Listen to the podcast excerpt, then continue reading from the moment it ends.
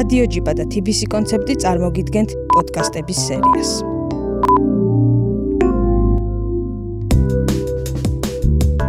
მე ვარ ცირაელისაშვილი და რადიო ჯიპას საშუალებით მინდა დღეს გესაუბროთ თბილისზე. ეს ქალაქი რომელიც დასმულ შეკითხვებზე ესე რაღაცნაირ მარტივ პასუხებს არ იძლევა. და რას რაც უფრო დიდ დროს უთმობ ამ ქალაქს, რაც უფრო მეც იკვლევ, მით უფრო აღმოჩნდება, რომ ის შეკითხვები უფრო გიმრავლდება, იმის მაგივრად, რომ კითხვათა რაოდენობა შემცირდეს. ამას ალბათ აქვს თავისი ახსნა, იმიტომ რომ თბილისი არის ასეთი ფენა-ფენა ქალაქი. ეს არის ქალაქი, სადაც აი ერთხელ ქალაქმა რო გადაწყვიტოს ალაპარაკება ამ ქალაქის ტერიტორიაზე ბევრ სხვადასხვა ენას გაიგებ.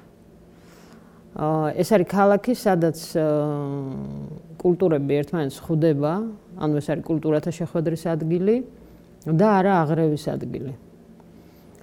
ეს არის ქალაქი, სადაც ბევრი ეთნოსი ერთად თანაბარი საშუალებით ვითარდება.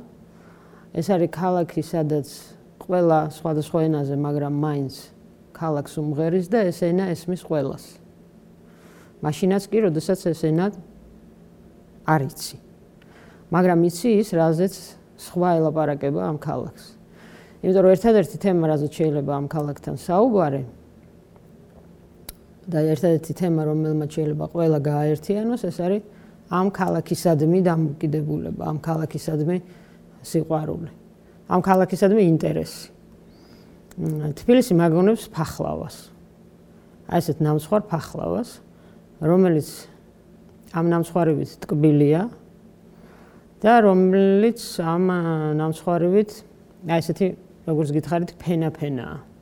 და ეს ფენები არის ამ ქალაქის ისტორიული კონტექსტი, რომელიც რაღაცნაირად აი ეს ერთმანეთს ედება და ქმნის იმ ფენომენს, რომელ ფენომენსაც ჩვენ ვეძახით ქალაქს, რომელ ფენომენსაც ჩვენ კონკრეტულად ვეძახით თბილისს.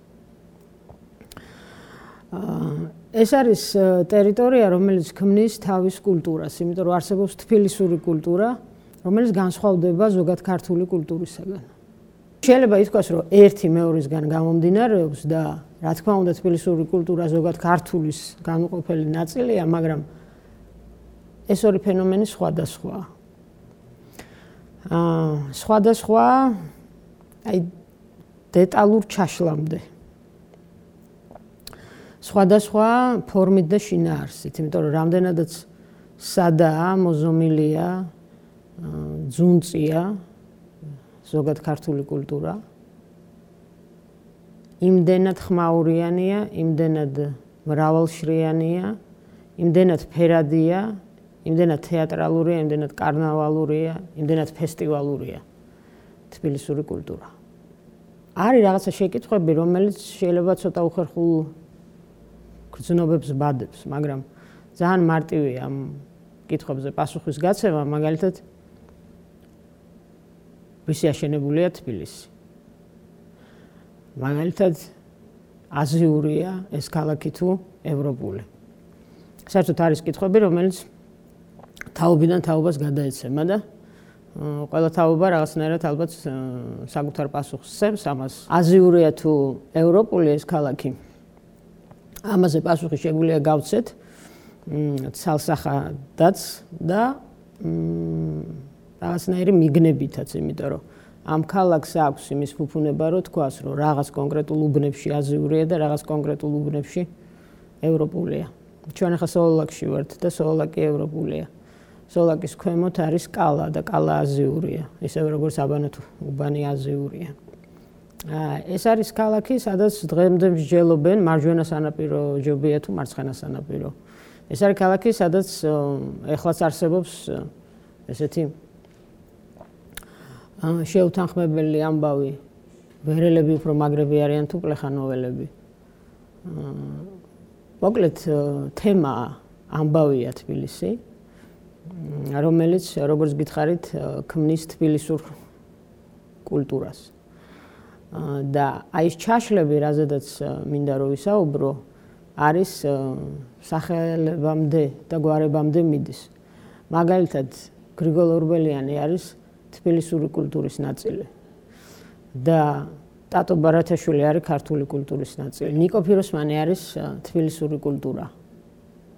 და გიგო გაბაშვილი არის ქართული კულტურა. ნიკო ფიროსმანი მასშტაბით არის ქართული კულტურა, თორე ის რასაც აკეთებდა აა ის არის თბილისური სკოლის წარმომადგენელი. ფარაჯანოვი არის თბილისური კულტურა და თენგიზაბულაძე არის ქართული კულტურა. თბილის კონდა იმის ფუფუნება, რომ ეთქვა დანარჩენი საქართველოსთვის, იმ საქართველოსთვის, რომლისთვისაც მთავარი წიგნი იყო ვეფხისტყაოსანი. რომ მისთვის ამ ქალაქში ვეფხისტყაოსანი კი არ იყო ყველაზე პოპულარული წიგნი, არამედ იყო ყარამანიანი. რატო? ამას ვერავინ ვერ ახსნის, მაგრამ აი ესეთი ცოტა ახირებული ქალაქია ეს თბილისი, რომელსაც თავისი მიგნებები აქვს. ეს არის ქალაქი, რომელიც რომელსაც ყველაზე მეტ სიმართლეს, იმიტომ რომ ყველა ვწოდავთ ამ თბილისთან მიმართებაში, ყველა თაობა, ყველა ადამიანი, ყველა პროფესიის წარმომადგენელი და ერთადერთი ვინც გულახდილია და მართალია ქალაქთან. ესენი არიან პოეტები. რომლებიც დროდადრო ცდილობენ, რომ რაღაცნაირად უმღერონ ამ ქალაქს. და რადგან აი თბილისურ კულტურაზე საუბრობდით, აქვე უნდა ვთქვათ, რომ იოსებ გრიშაშვილი არის თბილისური კულტურა და galaktioni არის ქართული კულტურა. და იოსებ გრიშაშვილმა თუ თქვა, რომ მიყვარს თბილისი, ირაკლივით მუდამ შფოთარი და სურს აქ მოუკვდე, რომ მისი მზეს წვავდეს ჩემს კუბოს. galaktionმა თქვა დავით ქრისტემ გალილეა აირჩია მე თბილისი ავირჩიე ბებერი. აი ხა აქედან რომელი უფრო ხვდება გულს, რომელი უფრო მაგარი იყო სიტყვაში და რომელმა უფრო ზუსტად თქვა სათქმელი ქალაქთა მემართებაში, აი ამაზე პასუხი არ არსებობს. ეს არის ქალაქი, რომელიც დღეს რაღაცნაირად ინერციით მიდის.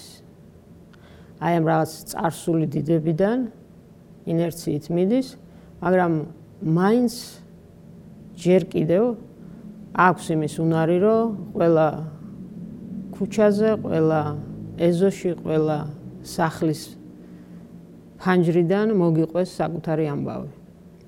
ის ამბავი, რომელიც ადამიანური ამბებია, რომლის გარეშეც ეს თბილისი ის თბილისი ვერ იქნებოდა. და ალბათ ჩვენ ნელ-ნელა ამ ამბებს მოგიყვებით. დრო და დრო რაღაცნაირად შეგახედებთ. ხან აი იმ გაღებული ფანჯრიდან ოჯახებში ხან урბანულ გარემოში. და მოუყვებით ამ ქალაქის ამბებს. მანამდე მინდა გითხრათ, რომ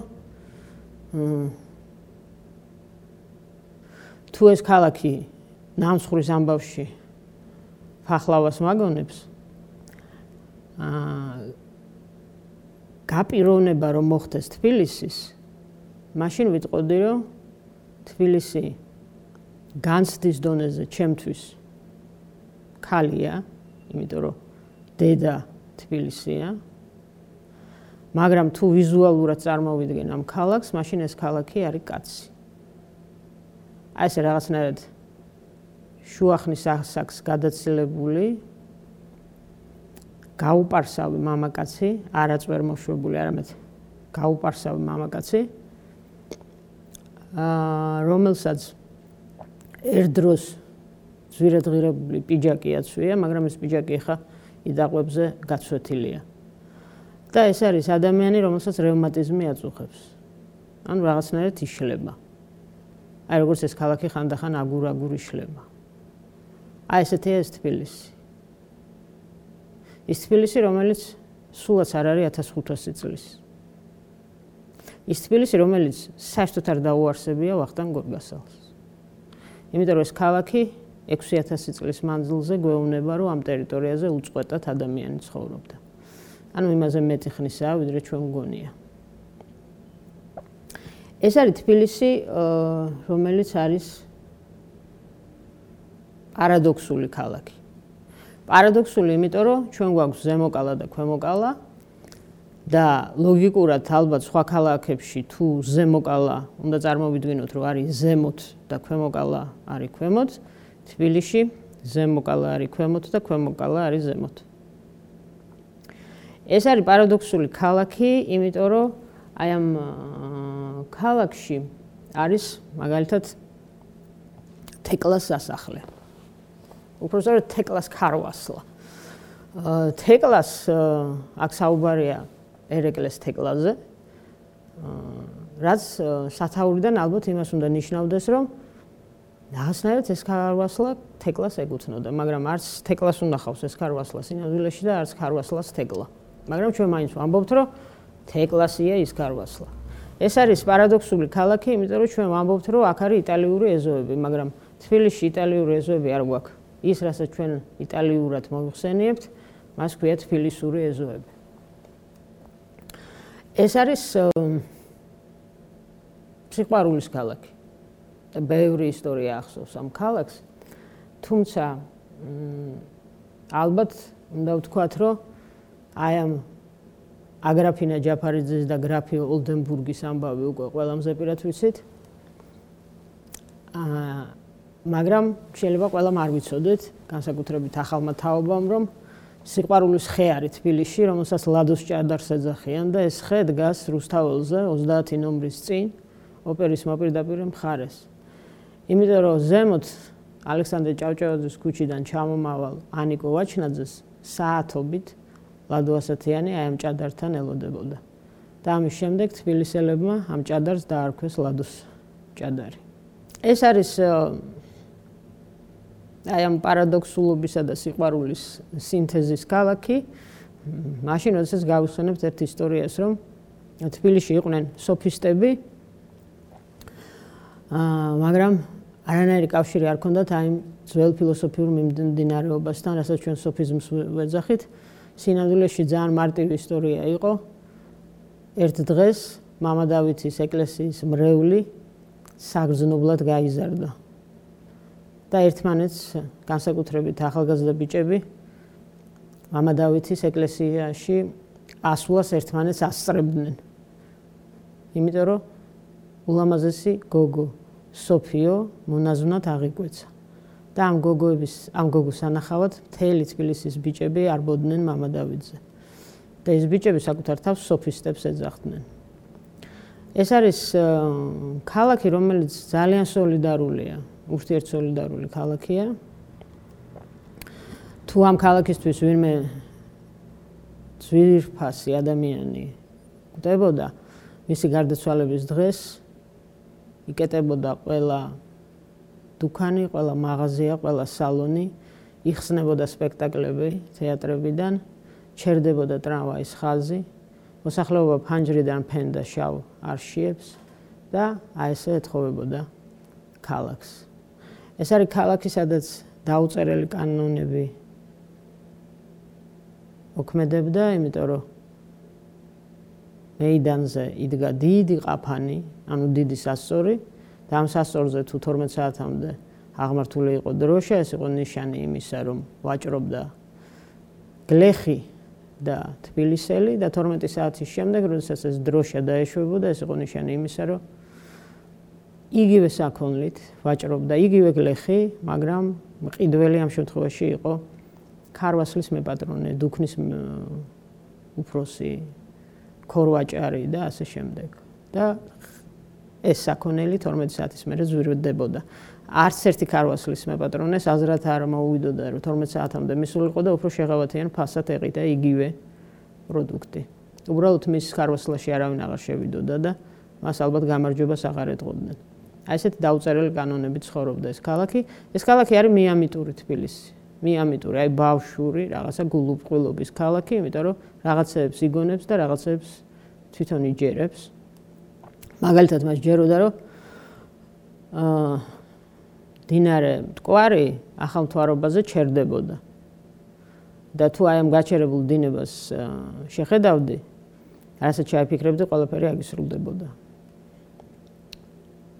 ასევე თბილისში ჯეროდა რომ მეტეხის ხის ქვემოთ გველეშაპი ცხოვრობდა დროდადრო რატომღაც მარგალიტის თულებს ისროდა და ამ თვალს თუ ვიპოვიდი ასევე რასაც ჩაიფიქრებდი ყველაფერი აგისრულდებოდა აა ეს არის ქალაქი სადაც ერთი საინტერესო ისტორია იყო რომ როდესაც უცხო ადამიანი ამ ქალაქში რაღაც გაურკვევლობაში მოხვდებოდა, რაღაცა გასაჭირი შეექმნებოდა.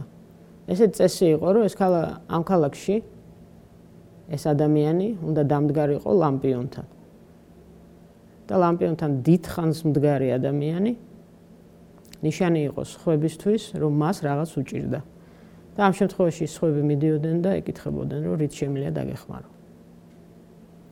ეს ლამპიონები თბილისში დღესაც დგას. თავრე რომ დაინახო პრობლემა, დაინახო ის ტკივილი, რომელიც ამ ქალაქს აწუხებს და ლამპიონთან თუ არ დადგე, ყოველ შემთხვევაში ისაუბრო ამ პრობლემაზე. და თქვა, რომ შენახარ ის აა რომელსაც შეიძლება რომ უშველო. უშველო იმ თბილის, რომელიც როგორც გითხარით, რაღაცნაირად ინერციით მოდის. ჯერჯერობით და სანამ სანამდე გასწუდება ეს ზალა ინერციის, არავინ ვიცით. ის რაც დღეს ქალაქში ხდება, ჩვენ უნდა შევცვალოთ. უნდა შევცვალოთ ქალაქის სასიკეთოდ. და შეგვიძლია ყველას.